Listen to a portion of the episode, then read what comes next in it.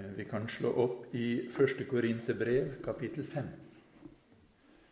Du vet, det er, eh, det er mange ting som endrer seg med tiden. Det Jeg ser jeg står her og forkynner fra min gode, gamle bibel. Jeg har en eh, rad med dem hjemme. Min kone pleide å kjøpe ny bibel til, til meg sånn med noen års mellomrom, for de ble utslitt. Men den her har jeg hatt lenge. For eh, nå så er det bibel på telefoner, og det er bibel på nettbrett, og det er bibel på datamaskiner. Og jeg bruker stort sett aldri en papirbibel lenger. Jeg har alt annet. Ting blir annerledes. Men det er noe som aldri endrer seg. Og det er hva Gud har bestemt. Det Gud har sagt, det endrer seg ikke. Og eh, det som jeg tenkte å tale litt om, det er noe som man eh, kjempet om på 300-tallet og 400-tallet og 500-tallet. På 1400-tallet og 1500-tallet, 1600-tallet, på 1700-tallet og 1800-tallet. Og eh, noe som vi må kjempe om igjen i dag. Mer enn noen gang. Og det er Guds nåde. Så kan du si at ja, men eh, dere i Nardus, har ikke dere sånne rare meninger om alt mulig rart? Er det ikke det dere står for? Til det så vil jeg si at hvis du mener nåden er noe rart, at det er noe som er liksom litt sånn på siden, så er du på feil side er det noe som må være sentralt for oss og sentralt i våre liv, så er det Guds nåde. Skal vi lese fra eh, første Korinterbrev, kapittel 15 og vers 10. Første Korinterbrev, kapittel 15 og vers 10. Men av Guds nåde er jeg det jeg er, og Hans nåde mot meg har ikke vært forgjeves. Men jeg har arbeidet mer enn de alle, det vil si ikke jeg, men Guds nåde som er med meg. La oss ta det en gang til. Men av Guds nåde er jeg det jeg er, og Hans nåde mot meg har ikke vært forgjeves. Men jeg har arbeidet mer enn de alle, det vil si ikke jeg, men Guds nåde som er med meg. Kjære Gud og Far. Jeg vil be deg, Herre, at din nåde må være over oss, og at din nåde må være med oss, og at din nåde må tale til oss, Herre. Jeg ber om at du må være her og virke din mektige verk som bare du kan, Herre Jesus. La det være stor nåde over oss alle, og la oss få kjenne din virksomme kraft. I Jesu navn. Amen. Amen. Vi skal eh, bare først se litt på dette verset. Og eh, Jeg tror jeg må få meg nye talerstolbriller. Liksom. Men eh, ja. Vi skal Hvis du ser på verset her, for det første Hva er det han snakker om? Av Guds nåde er jeg det jeg er. Hvis vi ser eh, to-tre vers før, vers 7, så sier han altså han taler her om Jesu oppstandelse. Og han sier i vers 7.: Deretter ble han sett av Jakob, deretter av alle apostlene. Men sist av alle ble han òg sett av meg, som det ufullbårne foster. For jeg er den ringeste av apostlene. Jeg er ikke engang verdt å kalles apostel, fordi jeg har forfulgt Guds menighet. Det han snakker om her, er sin tjeneste. Paulus var en apostel, han hadde en tjeneste. Og det er tjenesten han taler om her. Han har talt om de andre apostlene. Nå taler han om seg selv. Han sier, 'Jeg har sett Herren', og eh, 'jeg er den ringeste av apostlene'. Jeg er ikke verd å kalles apostel. Men hvordan kunne han så allikevel kalle seg apostel, til tross for at han ikke var verd det? Jo, han kunne det for ja, av Guds nåde er jeg det jeg er. Han kom med det ene argumentet etter den andre på en måte. Jeg er den ringeste av apostlene. Jeg er ikke verd å kalles apostel. Jeg har forfulgt Guds menighet. Men Men Og det kommer et men inn i ethvert troende menneskes liv. Og enhver av oss har nettopp dette å si at pga. det og pga. det og pga. det, så burde jeg egentlig ikke stått her. Så burde jeg egentlig ikke vært frelst. Så burde jeg egentlig ikke vært med. Men av Guds nåde er jeg det jeg er. Så det første han sier, er at det er en nåde som har gjort meg til det jeg er. Jeg er det jeg er på grunn av Guds nåde. Det andre han sier her, er at denne nåden, den har ikke vært forgjeves. Det har ikke vært en tom og innholdsløs og meningsløs nåde. Det har vært en nåde som har brakt noe med seg. Nåde, den nåden har ikke vært forgjeves. Og så sier han her at 'jeg har arbeidet mer enn de alle'. Det vil si ikke jeg, men Guds nåde som er med meg. Og hva er det han sier der? Jo, det han sier, han sier 'jeg har arbeidet', og så føyer han til 'det vil si ikke jeg'. Ja, er det han, eller er det ikke han? Vel, var han som reiste. Men ingen blir frelst av at noen reiser. Du kan kjøre rundt hvor mye du vil, og ingen blir frelst av det. Han talte. Og du kan tale så mye du vil, men ingen blir frelst av det. Det er Guds nåde som virker. Så det han sier, er at 'jeg har fått tjenesten av nåde', og denne nåden, den har gjort noe med meg, og den har gjort noe med andre mennesker. Av Guds nåde er jeg det jeg er, og Guds nåde, den er med meg. Og jeg tror at en riktig forståelse av hva nåden er, er utrolig viktig for at vi ikke bare skal få oppleve Herren og gå rett, men at vi også kan avsløre det som er feil. Og det er noe som er veldig viktig å få med seg. Ja, kan du si, skal du pirke på andre fordi de tar feil? Vel, jeg vil ikke si at det er å pirke på noe hvis man bommer på nåden. Hvis man bommer på nåden, da har man bommet på alt.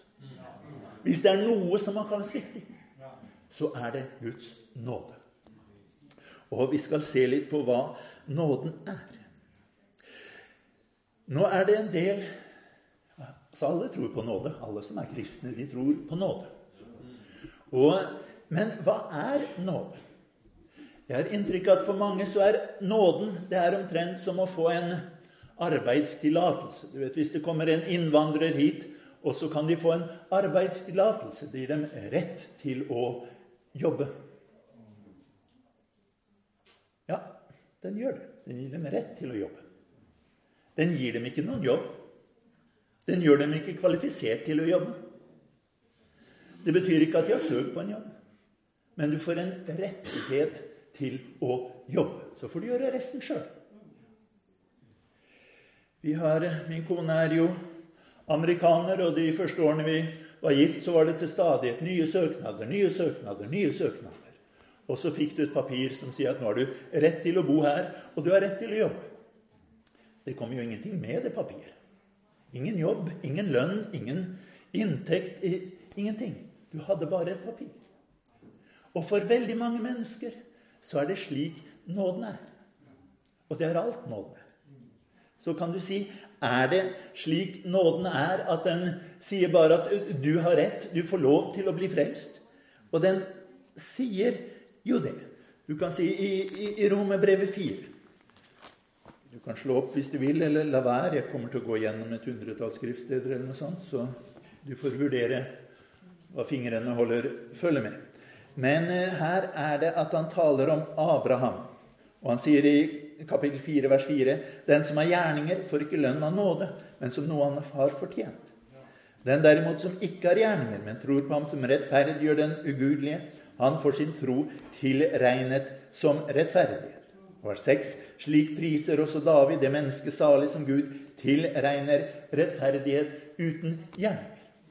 Her ser vi én side ved nåden. Og det er at Gud tilregner meg rettferdighet.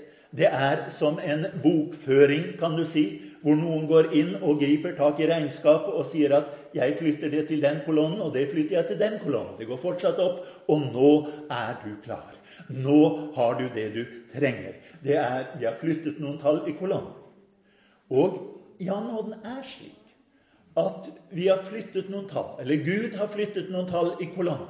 Han har flyttet synden fra vår kolonne over på Jesu kolonne og rettferdigheten fra hans kolonne til min kolonne. Så jeg er regnet rettferdig.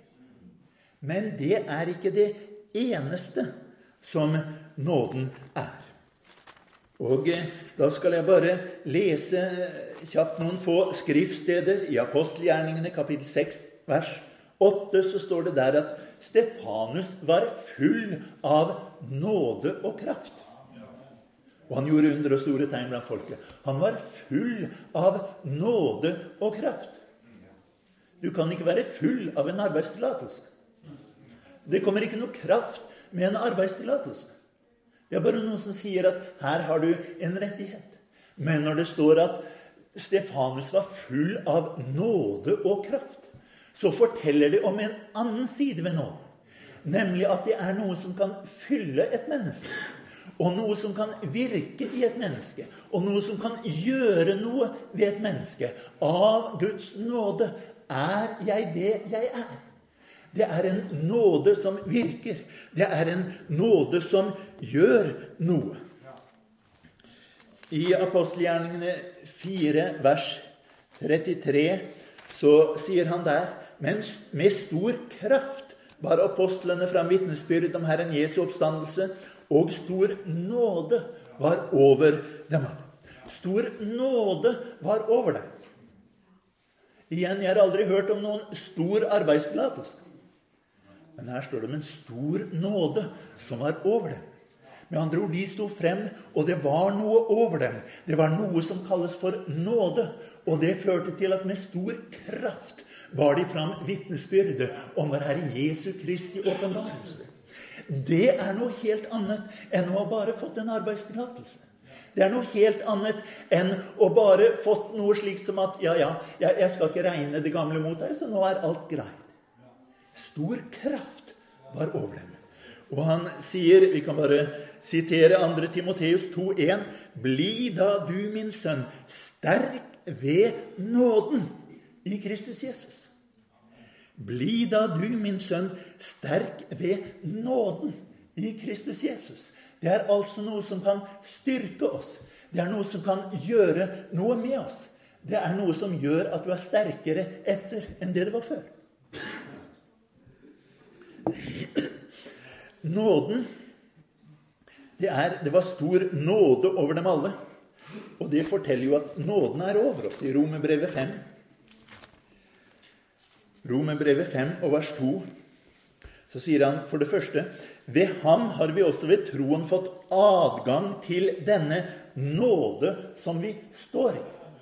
Denne nåde som vi står i. Det er en plass, det er en posisjon, det er et sted som kalles nåde. Og der står vi. Så sier han i vers 21 i det samme femte kapittel Og liksom synden hersket ved døden, så skal også nåden herske ved rettferdighet til evig liv ved Kristus Jesus, vår Herre. Så skal nåden herske. Nåden hersker ved rettferdighet. Da Jesus døde og hans blod rant, så var det nødvendig for at Guds rettferdighet skulle oppfylles. Men når det har skjedd, så har Guds nåde begynt å herske i noen sammenheng. Her er det at han sier at synden hersket ved døden. Slik skal også nåden herske med ved rettferdighet. Og i kapittel 6 og vers 14 sier han for synden skal ikke få herske over dere. For dere er ikke under loven, men under nåden. Vi er ikke under lov, sier han, men under nåde. Vi er under et annet prinsipp. Hva var det loven sa? Den sa du skal ikke, og du skal. Det skal du gjøre, det skal du ikke gjøre. Det skal være sånn, det skal være slik. Det var regler, det var bud, det var beskrivelser over hva du skulle gjøre. Var du under loven, så hadde du en eh, arbeidsoppskrift, men du hadde ingen kraft.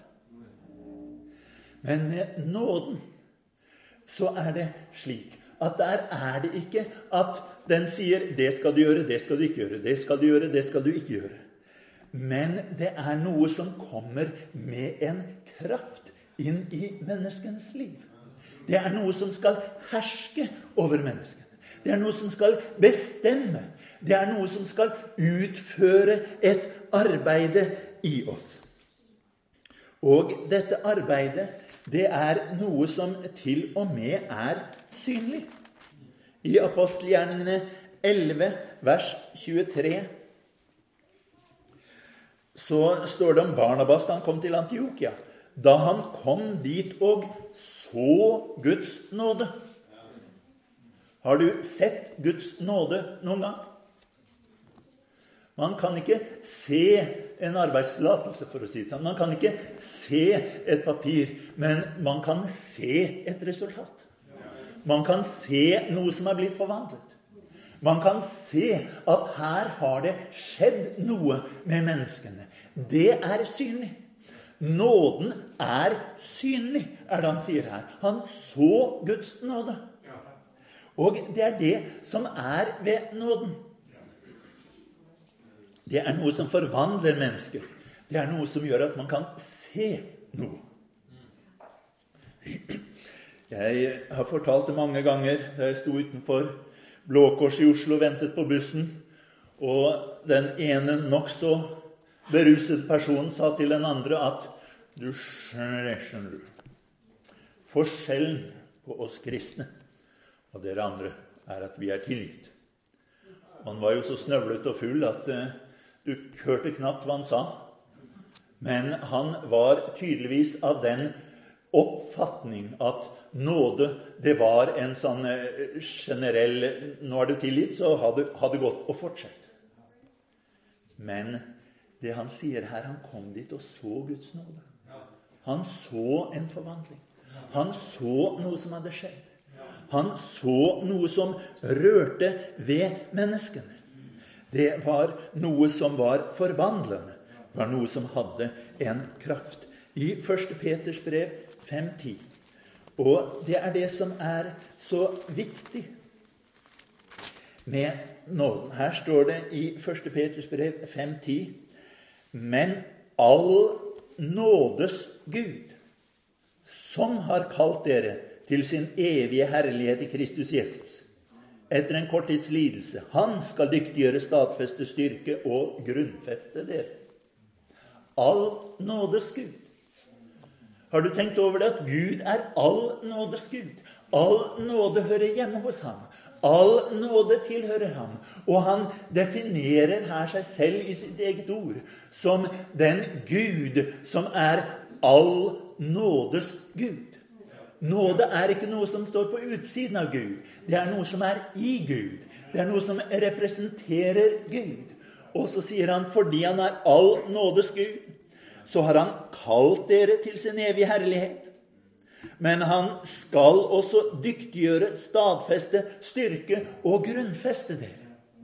Fordi han er all nådes Gud. Og det er det som ligger i det å ha den guddommelige nåde. Det er å ha del i noe som dyktiggjør, stadfester, styrker og grunnfester oss. I Hebrebrevet det tiende kapittel og vers 29 så taler han her et alvorlig ord, for han sier hvor meget verre straff tror dere da den skal lagtes være, som har trådt Guds sønn under føtter og foraktet paktens blod, som det som han ble helliget ved, og har spottet nådens ånd. Nådens ånd. Han er all nådens Gud. Ånden er nådens ånd. Det er noe som bærer med seg, og som bringer med seg Guds nærvær. Den hellige ånds nærvær. Det er umulig å få nåde uten å ha med Gud å gjøre. Det er umulig å oppleve nåden uten å ha med Herrens ånd å gjøre. Det er noe som kommer med den levende Gud. Og eh, hva skjer så med oss når vi møter nåden. I Romerbrevet 3 Vi kjenner jo disse versene. Der står det Vi kan ta slutten av vers 22, for det er ingen forskjell. Alle har syndet og mangler Guds herlighet. Og de blir rettferdiggjort for intet av Hans nåde ved forløsningen i Kristus Jesus.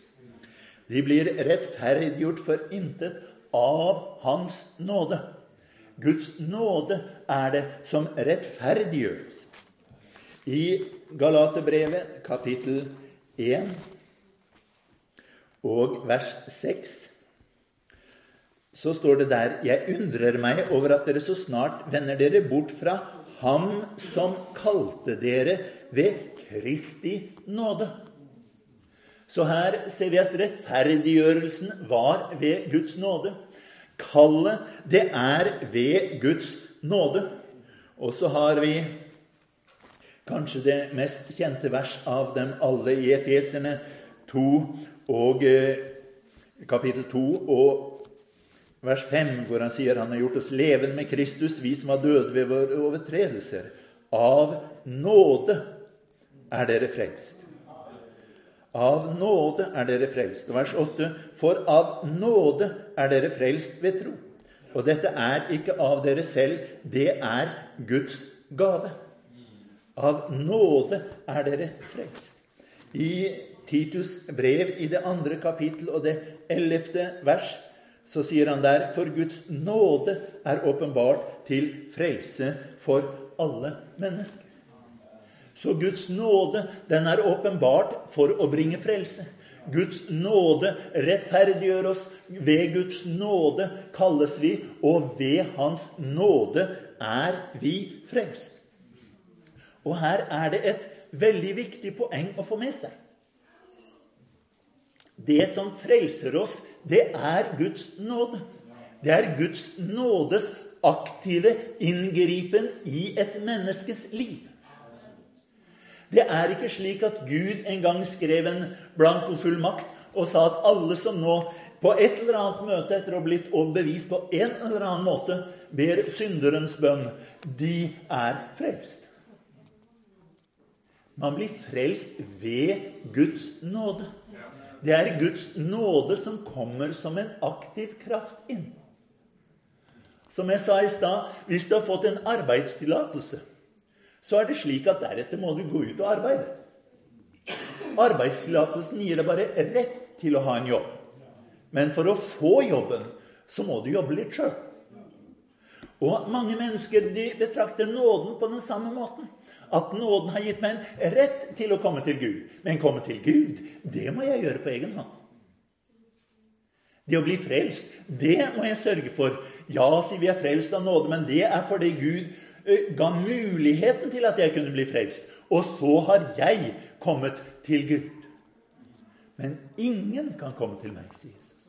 Ingen kan komme til meg uten at Faderen drager ham. Det er ikke menneskelige overtalelseskunster som gjør at noen blir frelst. Det er ikke mye reklame som gjør at folk blir frelst. Det er ikke god musikk som gjør at folk blir frelst. Det eneste som kan frelse mennesker, det er når et budskap salvet av Ånden, under Guds nådes kraft, kommer ut til mennesker og rører ved det, slik at Guds nåde rører ved deres liv døde sjels. Rører ved deres døde viljesliv. Rører ved deres syndige jeg. Og hvor Herren sier at 'nå er min nåde til stede'. Min nåde, den er deg nok. Nå kan du komme, for nå er nåden der for å løfte deg opp. Nå er nåden der for å føre deg frem. Nå er nåden der for å sørge for at du kan gjøre det du ellers ikke kunne gjøre. Enhver kan lese opp en bønn skrevet på et ark. Man blir ikke frelst av det. Og når de kommer med sine statistikker om at ja, så og så mange titalls, hundretalls, eller hva det er de har, bedt synderens bønn Man blir ikke frelst av det. Man blir frelst av et verk gjort av den levende Gud. og det er derfor vi legger så sterk vekt på dette. Fordi man trenger å bli frelst. Og for å bli frelst må man få et møte med den levende Gud. Hans nåde må gripe tak i oss, forvandle oss, gjøre oss til nye mennesker, føde oss på ny, sørge for at vi blir nye skapninger i Kristus Jesus. Så ofte blir det presentert som så mange har sagt, at ja, å bli frelst, det er å få et nytt forhold til Gud. Ja, det er det jo, men det er ikke alt det er. Det er mange som får nye forhold. Du ser Iblant så kan du se et par Nå er de sammen, og så har de gått fra hverandre. Og så er de i et forhold igjen, og så er det slutt på forholdet. Og så er det nytt forhold, og så er det slutt på forholdet. Så er det nytt forhold, og så er det slutt på forholdet. Ja, sånn er det med forhold. Det er noe også når forholdet er over, så kan du late som at det var aldri noen ting. Egentlig var det ingenting. Det var bare et forhold, men nå er forholdet over. Men eh, for å si det sånn Ikke at det er et særlig godt bilde, men hvis så plutselig en dag den jenta sier som så at 'jeg tok en test når jeg er gravid', da kan man ikke lenger late som at det har aldri vært noe. For nå er det et liv som er der. Et nytt liv. En ny skapning. Det er noe som er levende.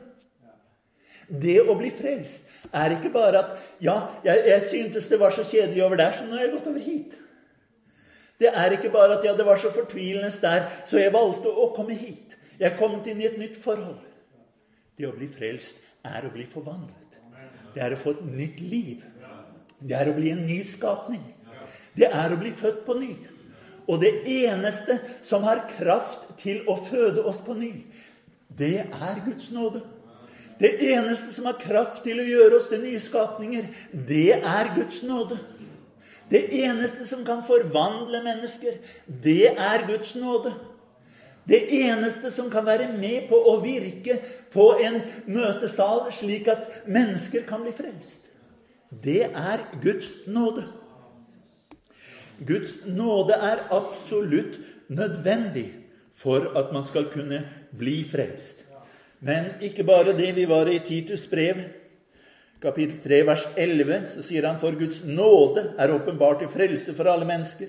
Men så fortsetter han og sier den opptukter oss til å fornekte ugudelighet og de verslige lyster, til å leve sedelig og rettferdig og gudfryktig i den verden som nå er. Den opptokter oss. Den leder oss, den fører oss, den taler til oss. Den gjør noe med oss. Den fortløpende forvandler oss. Da han kom til Antiokia, så gledet han seg da han så Guds nåde. Hvordan kunne han se Guds nåde? For Guds nåde er noe som forvandler mennesker. Gjør dem til nye skapninger. Gjør at det ikke lenger er den samme som den de var. Det er ikke mulig å bli frelst uten Guds nåde. Men når man har fått del i Guds nåde, så er det ikke bare et papir man fikk en gang. Du vet, Får du en arbeidstillatelse, trenger du den for å få jobb, men ikke noe mer. Men Guds nåde trenger du for å bli frelst, og den trenger du for å leve videre. Guds nåde er for vår daglige liv. Han sier Jeg kan bare lese noen få vers i Jakob, kapittel 4. Og vers 6 så sier han der Jeg kan ta vers 5. Eller mener dere at det er tomme ord når Skriften sier med nidkjærhet trakter han etter den ånd han lot bo i oss? Men desto større er nåden han gir. Derfor sier Skriften Gud står de stolte imot, men de ydmyke gir han nåde. De ydmyke gir han nåde. De som er stolt, med andre ord, de som sier 'jeg kan klare meg selv', de står Gud imot. Men den som sier 'jeg kan ikke klare meg selv', han får nåde av Gud for å klare det han selv ikke kan klare. I 1. Peters brev, kapittel 2, og vers 19-20, så står det der For dette finner nåde om noen av samvittighet for Gud tåler sorger når han lider urettferdig. For hvilken ros fortjener dere vel om dere finner dere i straff når dere har syndet? Men om dere tåler lidelse når dere har gjort godt, da finner det nåde hos Gud. Da finner det nåde hos Gud. Når du lider, når du har problemer, så trenger du ikke en generell tillatelse. Det du trenger, er et guddommelig nærvær. Det du trenger, er en kraft som kan komme inn i ditt liv og holde deg oppe når verden trykker deg ned. Det du trenger, er noe som kan hjelpe deg frem når djevelen holder deg tilbake. Det er det man trenger, og det er det Guds nåde gir. I 1. Eh, Peter 3,7 så sier han der så skal også dere ektemenn leve med forstand sammen med deres koner som det svakere kar, og vis dem ære, for også de er medarvinger til livets nåde. Livets nåde. Har du sett det uttrykket? Livets nåde. Den nåden som hører livet til.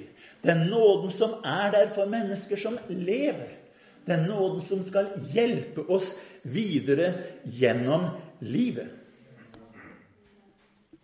Og det er denne nåden vi lever i, og som det er viktig å leve i. Apostelgjerningene 1343 så står det der da de eh, da møtet i synagogen var oppløst, var det mange av jødene av de gudsdyrkere som hadde tatt ved jødenes tro, som fulgte etter Paulus og Barnabas. Disse talte da igjen til dem og formante dem innstendig til å holde fast ved Guds nåde. Til å holde fast ved Guds nåde. Vi har fått adgang, leste vi i Romerne 5.2, til en nåde i hvilken vi står. Vi hørte sunget her før møtet 'Min nåde er deg nok. Hold fast ved nåden. Grip tak i nåden. Vær der med nåden. Det er nok. Det er det du trenger. Det er det viktige. Hold fast ved nåden. Det er nåden som frelser oss. Det er nåden som forvandler oss. Det er nåden som fører oss videre. Det er nåden vi trenger. Derfor så sier han også i Hebrebrevet, i kapittel 4 og eh, vers 16 La oss derfor med frimodighet tre fram for nådens trone, for at vi kan få miskunn og finne nåde til hjelp i rette tid. La oss tre frem for nådens trone. Og på sett og vis så kan du si at ja, nådens trone, det er Guds trone. Men på en måte så kan du også si at nådens trone, det er det stedet hvor nåden hersker. Det er det stedet hvor nåden regjerer. Og når du kommer der inn i Herrens aller helligste, når du har bøyd dine knær innfor ham, så går du bort ifra dette stedet hvor synden hersker. Så går du bort ifra stedet hvor djevelen hersker. Så går du bort fra stedet hvor fristelsene hersker. Og så kommer vi inn til et nytt sted, et sted hvor nåden hersker. Et sted hvor det er en trone som heter nådens trone. Et sted hvor det er en trone hvor ingen kan sette seg uten Ham som er all nådes Gud. Og når vi kommer inn for ham, så sier han 'Min nåde er deg nok'. Og så kan jeg få miskunn og finne nåde til hjelp i rette tid. Nåde til hjelp i rette tid. Og nå er vi på vei over til punkt to i takt. Nåde til hjelp. Vi trenger nåde til frelse og til liv. Men vi trenger også nåde til hjelp i spesielle situasjoner. Og eh, der kan vi se i 2. Korinterbrev, kapittel 9 2. Korinterbrev, kapittel 9 og vers 8 så sier han der Og Gud er mektig til å gi dere all nåde i rikelig mål, for at dere alltid og i alle ting kan ha alt det dere trenger til, og ha overflod til all god gjerning. Gi dere all nåde i rikelig mål. Det For å gå tilbake til mitt første og dårlige bilde De som ser på nåden som en slags arbeidstillatelse, en frelsestillatelse nå, nå kan du få lov til å bli frelst. Da nytter det ikke å si at du skal få all nåde, og at du skal få den i rikelig mål. Men hvis du innser at nåden det er noe som gis av den levende Gud. Det er ikke bare en holdning, men det er en innsats, det er en kraft, det er en ånd. Det er en styrke som kommer til oss. Så når han da sier at du, Gud er mektig til å gi dere all nåde i rikt mål All nåde i rikt mål. Hva betyr det? Jo, altså, trenger du det i rikt mål hvis du har fått all nåde? Det er en litt merkelig formulering, men si, når han sier 'all nåde', så tror jeg han mener all slags nåde. Nåde til alle ting du kan ha behov for. Og du får det i rikt mål, slik at hvert enkelt behov det kan fylles til overflod i ham. Han, Gud er mektig til å gi dere all nåde i rikelig mål, for at dere alltid og i alle ting kan ha alt dere trenger til, og ha overflod til all god gjerning. Her er vi gått forbi nåden til frelse, men du har kommet over til nåden til tjeneste. Det er ikke bare nåden til å overleve i det daglige liv, men det er nåde til tjeneste. Ha overflod til all god gjerning. Og der er det vi så ofte bommer. Du vet Paulus sier til galaterne at dere begynte i ånd. Vil dere nå fullende i kjøtt? Altså Du startet i ånd, vil du slutte i kjøtt? Men vi har så veldig lett for å gjøre det. Vi startet med frelsen. Nå av nåde er du frelst. Men jeg kan ikke gjøre noe mer. For jeg klarer det jo ikke. Men hva sier han her? Overflod til all god gjerning, det er et resultat av en fylde av Guds nåde. Det er en resultat av Guds nåde kommer over mitt liv.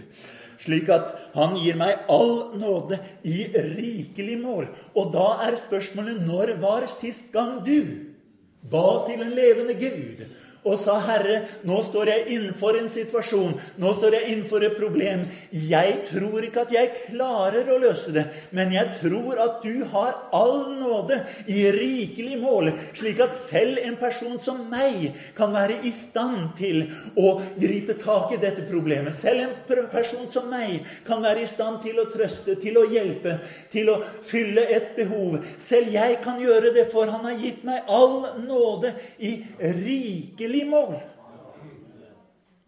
Har vi bedt om denne nåden? Har vi gått inn for Gud og sagt at 'Herre, jeg trenger denne nåden'?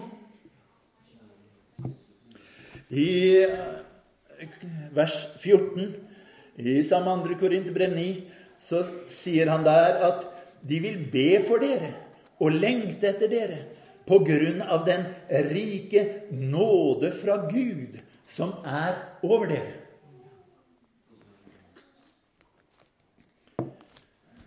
Noen her med dårlig selvbilde? Du trenger ikke rekke opp hånden. Men eh, han sier her at de vil be for dere og lengte etter dere. Ser du for deg at eh, folk ber for deg og lengter etter deg? Kanskje gjør du det. Men kanskje gjør du det ikke. Kanskje tenker du som så at det er ingen som vil be for meg. Det er definitivt ingen som lengter etter meg. Hvorfor i all verden skulle noen lengte etter meg? Men her sier de vil be for deg, og de vil lengte etter dere. På grunn av den rike nåde fra Gud som er over dere. Ikke av hvor sterke dere er, av hvor flinke dere er, av hvor populære dere er, av hvor grei du er til å ha omgang med mennesker. Men Guds rike nåde gjør at mennesker som møter deg, som Barnabas ville si at Guds nåde er her. Og de vil få kjenne her fikk vi et møte med den levende Gud. Det er kanskje en person som ikke er så mye å se på, men Guds nåde var hos dem. De er kanskje ikke så flinke, men Guds nåde var hos dem. De er kanskje ikke så utdannet, men Guds nåde er hos dem. De er kanskje ikke utrustet med så god sangstemme, og de kan ikke uh, slå alle grepene riktig på gitaren, men Guds nåde var hos dem. Det var en nåde som var der. Og på grunn av nåden så kjenner du jeg lengter etter disse menneskene. Jeg ber for disse menneskene. Jeg ønsker å oppleve og møte disse menneskene fordi de er blitt forvandlet av den levende Guds nåde. Og eh, dette gjelder oss alle. Men jeg har lyst til også å ta det litt spesielt i Romerne 1,5.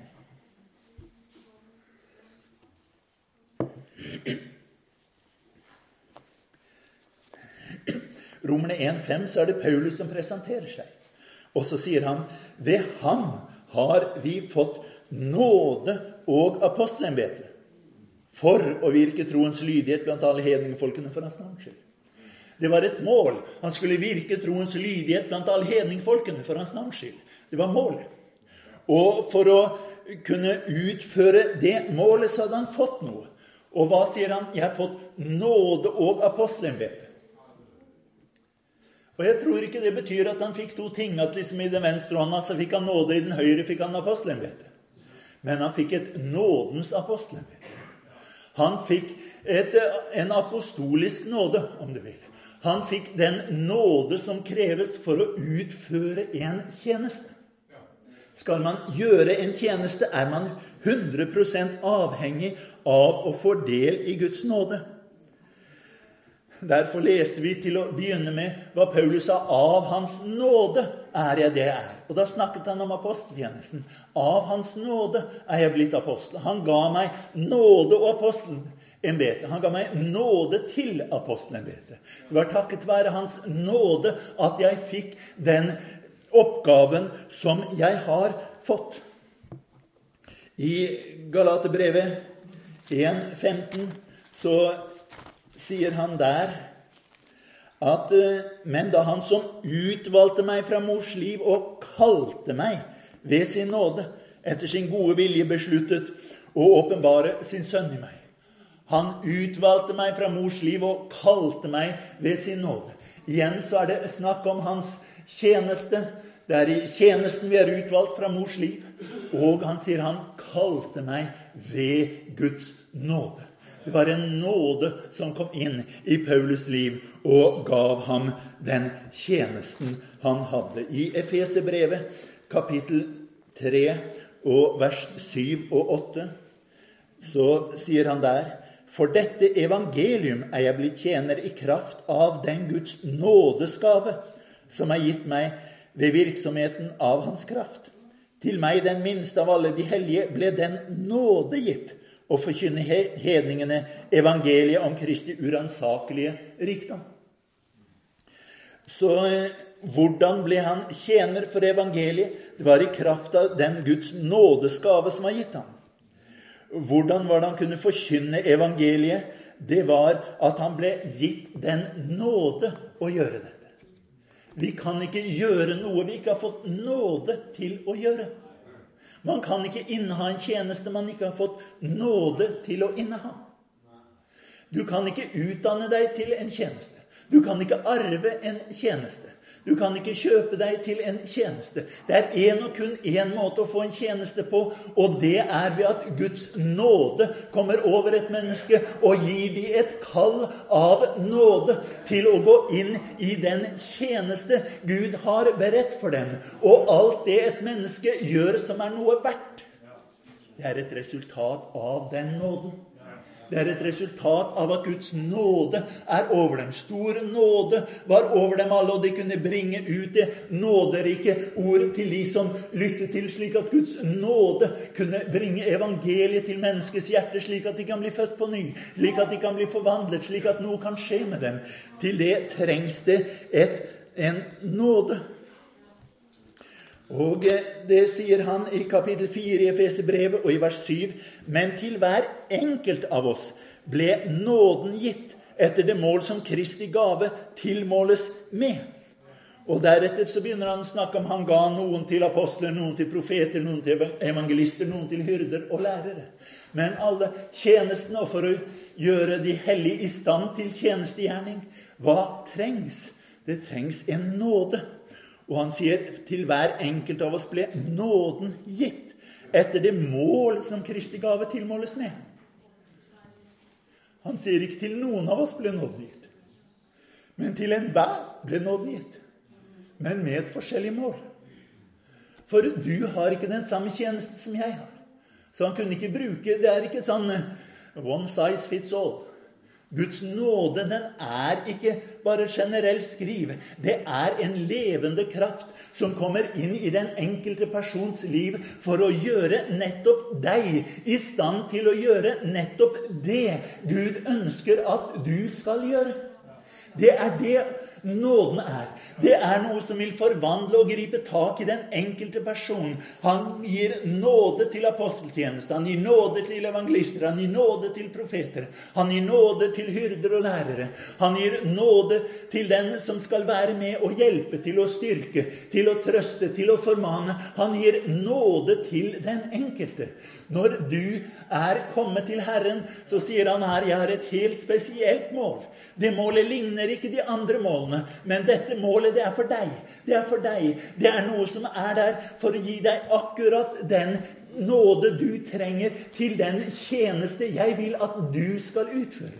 For å gjøre de oppgaver du skal gjøre, så er det en må nåde som er til stede. I 1. Timoteus brev, kapittel 1, og vers 12 1. Korinterbrev, kapittel 1, vers 12. Jeg takker Ham som gjorde meg sterk, Kristus Jesus, vår Herre, at Han aktet meg tro i det Han satte meg til tjeneste. Enda jeg før var en spotter og forfølger og voldsmann, men jeg fikk miskunn fordi jeg handlet uvitende i vantro. Og vår Herres nåde ble overmåte rik med tro og kjærlighet i Jesus Kristus. Vår Herres nåde ble overmåte rik. Det var en nåde, sier han, som kom til ham, som ikke var verdig til å være noe som helst. Han sier i 2. Timoteus brev, kapittel 1, vers 9 Han er den som har frelst oss og kalt oss med et hellig kall. Han gjorde det ikke etter våre gjerninger, men etter sin egen rådslutning og nåde den som han ga oss i Kristus Jesus fra evighet av. Det er predikant Paulus som skriver til predikant Timoteus. Og jeg tror han snakker om predikantkallet, forkynnerkallet, som han sier det har han gitt oss etter sin egen nåde. Men eh, la oss se hvordan er det denne nåden virker. Hvis vi går til apostelgjerningene, kapittel 14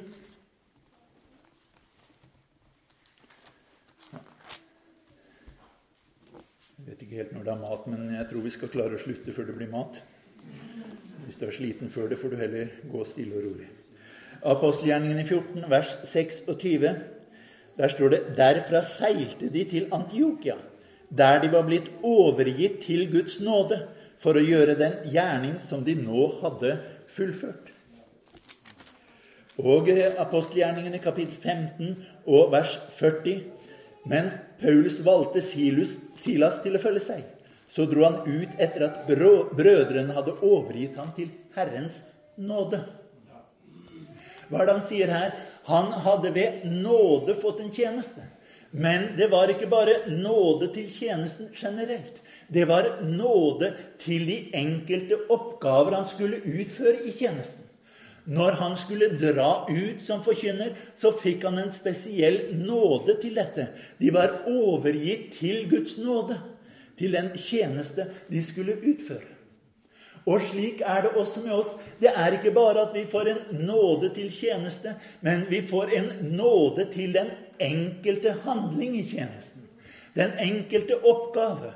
Om du har en besøkstjeneste, om du vil, så kan du få nåde hver gang du utfører din tjeneste. Hver gang en predikant står frem, hver gang noen synger, hver gang noen vitner, så er det en nåde, en nåde til en spesiell aktivitet. Og i i apostelgjerningene 1827 så ser vi videre. Her sier han at eh, da han nå ville dra videre til Akaya, oppmuntret brødrene ham til dette. De skrev til disiplene der om å ta vel imot ham. Og da han kom dit, ble han ved Guds nåde til stor hjelp for de troende. Da han kom dit, ble han ved Guds nåde til stor hjelp. Altså Man har nåde til å gå inn i en bestemt oppgave, men man har også nåde til å utføre denne oppgaven. Og eh, Det er det Paulus skriver om i, i Romerbrevet kapittel 12 og vers 3. For ved den nåde som er meg gitt, sier jeg til hver og en blant dere at han ikke skal gjøre seg høyere tanker enn en bør. Ved den nåde som er meg gitt. Han sier at det er ikke hvem som helst kan, som kan si det, men jeg har fått en nåde som er gitt meg for dette formål. I Romerbrevet kapittel 15 vers 15 Likevel har jeg til dels skrevet noe djervt til dere, for å påminne dere ved den nåde som er gitt meg av Gud. Ved den nåde som er gitt meg av Gud. Første Korinterbrev, kapittel 3 og vers 10, så sier han etter den Guds nåde som er gitt meg, har jeg lagt grunnvoll som en vis byggmester. Ikke hvem som helst kan legge en grunnvoll som en vis byggmester.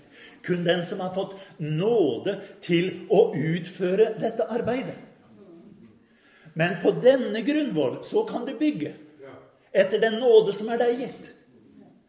Hvis du har en nåde til noe annet enn å legge grunnvoll, så legg ikke grunnvollen. Få noen andre til å hjelpe til å legge grunnvollen. Men det betyr ikke at du skal sitte der. Det betyr at du skal si at nå er grunnvollen lagt. Nå kan jeg komme inn og bygge opp etter den nåde som er meg gitt. Etter den nåde som jeg har fått del i. I Galaterne, det andre kapittel og det niende vers.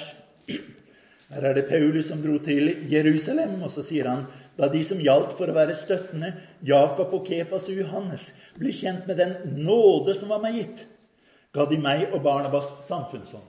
Den nåde som var meg gitt. De visste da utmerket godt at Paulus og Barnabas var apostler. At de hadde en tjeneste. Men nå hadde de fått sett den nåde som var ham gitt, som han sier at vi skulle gå til hedningen. En spesiell nåde til å nå ut til hedningen. Og det er denne Guds nådesgave. For dette evangelium leste vi ei bli tjenere i kraft av den Guds nådesgave. Det er en nåde som har kraft til å forvandle mennesker, til å sette dem i stand til tjeneste, til å gi dem en tjeneste, til å istandsette dem til oppgaver og til å hjelpe dem til å gjennomføre den tjenesten. Hvis du kommer sammen i et husmøte Dere er kanskje ikke så mange, men det som gjelder, er ikke en stor mengde. Det som gjelder, er en stor nåde. Stor nåde var over dem alle. Så gå på møte med den bønn i ditt hjerte at Herre, la din nåde være med meg. La din nåde være over meg. La din nåde være hos meg. Og la meg bringe din nåde i mitt vitnesbyrd, i min sang, i min bønn, det jeg har å komme med. La det være nåderike ord som går ut av min munn. I 2. Eh, Korinterbrev, kapittel 8, så står det der Vi kan lese nedover der eh, fra vers 1. Brødre, nå vil vi fortelle dere om den nåde Gud har gitt menighetene i Makedonia. Legg merke til det. Den nåde Gud har gitt menighetene i Makedonia. De har vært hardt prøvd i trengsler, men likevel er det av deres overveldende glede og deres dype fattigdom strømmet fra min rikdom på oppriktig godhet. For de ga etter evne, det kan jeg bevitne, ja, over evne av egen drift. De ba oss inntrengende om den nåde å få være med i fellesskapet i tjenesten for de hellige. Og de ga ikke bare slik vi hadde håpet, men de ga seg selv, først til Herren og så til oss ved Guds vilje så ba vi Titus om å fullføre den gaven som han før hadde begynt å samle inn hos dere. Dere har jo overflod på alt, på tro, på ord, på kunnskap, på iver, på kjærlighet mellom dere og oss. Så bli nå rike oss i dette kjærlighetsverk. For jeg, jeg, sier ikke dette som et påbud, men ved å nevne de andres iver vil jeg prøve kjærligheten hos dere om den er ekte. For dere kjenner vår Herre Jesu Kristi nåde, at han for deres skyld ble fattigdom, var rik, for at dere ved hans fattigdom skulle bli rike. Her snakker han om den nåde Gud har gitt menigheten i Makedonia. Men i vers 6 så sier han så ba vi Titus om å fullføre den gaven som han før hadde begynt å samle inn. Men på gresk så står det så ba vi Titus om å fullføre den nåden som han før hadde begynt å samle inn. Du skjønner, nåde, det er noe som man kan være med å gi. Det er noe man kan bringe videre. Det de ga, var ikke bare penger. Det var nåde. Nåde i form av penger, om du vil. Nåde som så ut som penger, men det var likevel noe som kom i form av nåde. Og derfor sier han i slutten av vers 7.: Bli nå rike også i dette kjærlighetsverk. Bli nå rike også i denne nåden. Samme ord. Og hva er det han er opptatt med her? Jo, i vers 4 så sa han de ba oss inntrengende om den nåde å få være med i fellesskapet, i tjenesten. Men det det ordrett står, er at de ba om å få være med i nåden og fellesskapet i tjenesten. De ba om å få være med i nåden og fellesskapet. De så at Paulus hadde en tjeneste for å utføre noe, og de visste at denne tjenesten den er et resultat av Guds nåde. Så de ønsket å være med i nåden og fellesskapet i tjenesten. De ønsket å være sammen med ham. I Filippebrevet, det første kapittel, og vers 7 sier han der i slutten av verset, for dere står sammen med meg i nåden, både når jeg er i lenker, og når jeg forsvarer og stadfester evangeliet. Dere står sammen med meg i nåden. Det var noen som hadde den holdningen at Paulus, du har en tjeneste, men du skal ikke stå alene i tjenesten. Vi vil stå sammen med deg i den nåden som er i tjenesten. Så kan du si at ja, eh, er dere sånne Paulus-fans? Liker dere Paulus så spesielt godt? Er det det som er at dere synes han ser ekstra flott ut? Nei, vil jeg si, men vi har sett en nåde i denne tjenesten. Og det er denne nåden jeg ønsker å støtte opp. Det er denne nåden jeg ønsker å være i fellesskap med. Det er den nåden jeg ønsker å ha del i. Og det er noe å tenke på for hver eneste en av oss. La oss være med i nåden i fellesskapet. Ha del i nåden og fellesskapet i tjenesten si at jeg ønsker å være en del av nåden. Når du kommer på møte her, når du sitter her under disse stevnedagene, kom hit med en bønn om at Herre, la meg være i din nåde. La det være stor nåde over meg, og la meg stå sammen med den som forkynner i nåden i tjenesten, slik at den kan være med å gå ut til de andre. Du skjønner at når man står her og forkynner, så er man avhengig av at det er noen der nede som er med å støtte og hjelpe. Det står at Herren tok av den ånd som var over Moses, og la den over de andre. Men Herren kan også ta av den ånd og den nåde som er over deg, og være med og legge de over de andre, slik at du kan ha del i nåden og fellesskapet i tjenesten. Dette fellesskapet Du vet, han sier eh, i Romerbrevet kapittel 12 og vers 6 Alt etter den nåde som er oss gitt, har vi ulike nådegaver. Alt ettersom etter den nåde som er oss gitt, har vi ulike nådegaver. Efeserne 4 og vers 7. Men til hver enkelt av oss ble nåden gitt etter det mål som Kristi gave tilmåles med. Det er en nåde som er gitt til spesielle gaver for den enkelte. Og siden vi først er i Efeserbrevet 4 vers 29 så sier han der La ikke råtten snakk gå ut fra deres munn, men god tale, som er nødvendig til oppbyggelse, og som blir til velsignelse for dem som hører på.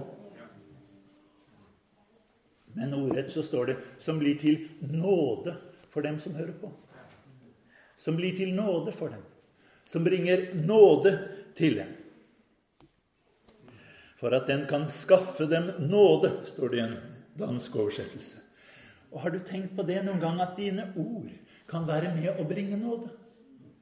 At det kan være nåderike ord som går ut av din munn. I Kolosserne kapittel 4 og vers 6 så sier han, la deres tale alltid være vennlig, men krydret med salt, så dere vet hvordan dere skal svare enhver. Men igjen, det det ordrett står her, la deres tale alltid være nådig. Alltid være nåderik. Nåderik, men krydret med salt. Krydret med salt må den være, men det må være nåderik. Ikke bare vennlig at jeg skal lære meg litt retorikk så jeg snakker på en godest mulig måte men at det må være en nåde som ligger i den talen som vi har. Og det gjelder for hver eneste en av oss, men det gjelder også for forkynnerne. Det står i apostelgjerningene 4, 3 og 30 at med stor kraft bar apostlene fram vitnesbyrdet om Herre Jesu oppstandelse, og stor nåde var over dem alle med stor kraft og stor nåde var over dem når de bar fram vitnesbyrd om Herre Jesus oppstandelse. I kapittel 14 og vers 3 så sier han der Likevel ble de der en ganske lang tid. De talte frimodig Herren, som ga sitt eget nådesord vitnesbyrd. Som ga sitt nådesord vitnesbyrd. Med andre ord, den nåden som Herren legger over oss, den vil kunne komme ut i de ordene og den forkynnelsen som vi bringer. Og i apostelgjerningene kapittel 20 og vers 24 så sier han der Men for meg selv akter jeg ikke livet mitt et ord verd, når jeg bare kan fullende mitt løp og den tjeneste som jeg fikk av Herren Jesus, og vitne om Guds nådes evangelium. Og vitne om Guds nådes evangelium. Og det jeg har hatt lyst til å skulle si og prøve å få frem her i formiddag Vi har en Gud som er all nådes Gud. For å komme til ham må man ha nåde fra Gud. Ingen kan komme til ham på egen hånd. Ingen kan komme til ham etter overtalelse fra noen andre. Ingen kan komme til ham pga. at man har laget det riktige programmet. Det man trenger, er nåde fra Gud så er det noen som har en tjeneste. Og vi har alle en tjeneste. For å utføre vår tjeneste trenger vi nåde fra Gud. Etter den, det mål som Kristi nåde tilmåles med, som Kristi gave tilmåles med, så får vi del i nåden til den enkelte tjeneste. Og skal jeg være med å virke som forkynner, skal du være med å virke med sang, med vitnesbyrd, med bønn, med hva det enn er som Herren gir deg, så må vi ha del i Guds nåde. La oss ikke bli lurt av alle de som sier ja, dere må gjøre sånn. Du må ha den type musikk, du må ha den type tilstelning, du må ha den type organisasjon. Nei, det vi trenger, er Guds nåde. Det vi trenger, er at nåden kommer over oss. Det vi trenger, er forkynnere som er under nåden. Hvor stor nåde er over dem. Vi trenger sangere som har nåde over seg. Vi trenger mennesker som ber, og som har nåden over seg. Vi trenger møter hvor vi opplever at nåden er til stede. Det er det vi trenger. Det er det som kaller mennesker til Gud. De andre kan kalle mennesker til menigheter og organisasjoner. Men for å bli kalt til Gud trenger vi Guds nåde. Og det gjelder hver eneste en av oss. Vi er avhengig av Hans nåde for å kunne gjøre en gjerning for Gud. Og er det ikke det vi er satt her for? Er det ikke det som er poenget? Kommer vi hit bare fordi at vi må vel det? Eller kommer vi hit fordi vi vil oppleve Guds nåde? Erfare Guds nåde? Være med å spre Guds nåde? Da må vi ha den holdningen. Herre, gi meg av din nåde. Herre, gi meg av din kraft. Jeg klarer ingenting på egen hånd, men jeg vil gjøre det ved Herrens nåde. Skal vi reise oss opp og vende oss til Herren og bare takke Ham for at det Han har gitt oss, det er Hans nåde. Kjære Gud og Far. Jeg ber deg, Herre. Du ser oss alle, Herre. Vi er små, vi er skrøpelige. Vi er ynkelige i verdens øyne, Herre. Men takk, kjære Gud og Far, at det som betyr noe innenfor deg, det er din nåde. Jeg ber deg, kjære Gud og Far, om at din nåde må være mektig over meg. Jeg ber deg for de som sitter her, at Guds nåde må være mektig over dem. Jeg ber deg om de skal forkynne på de neste møtene, at Guds nåde må være over dem.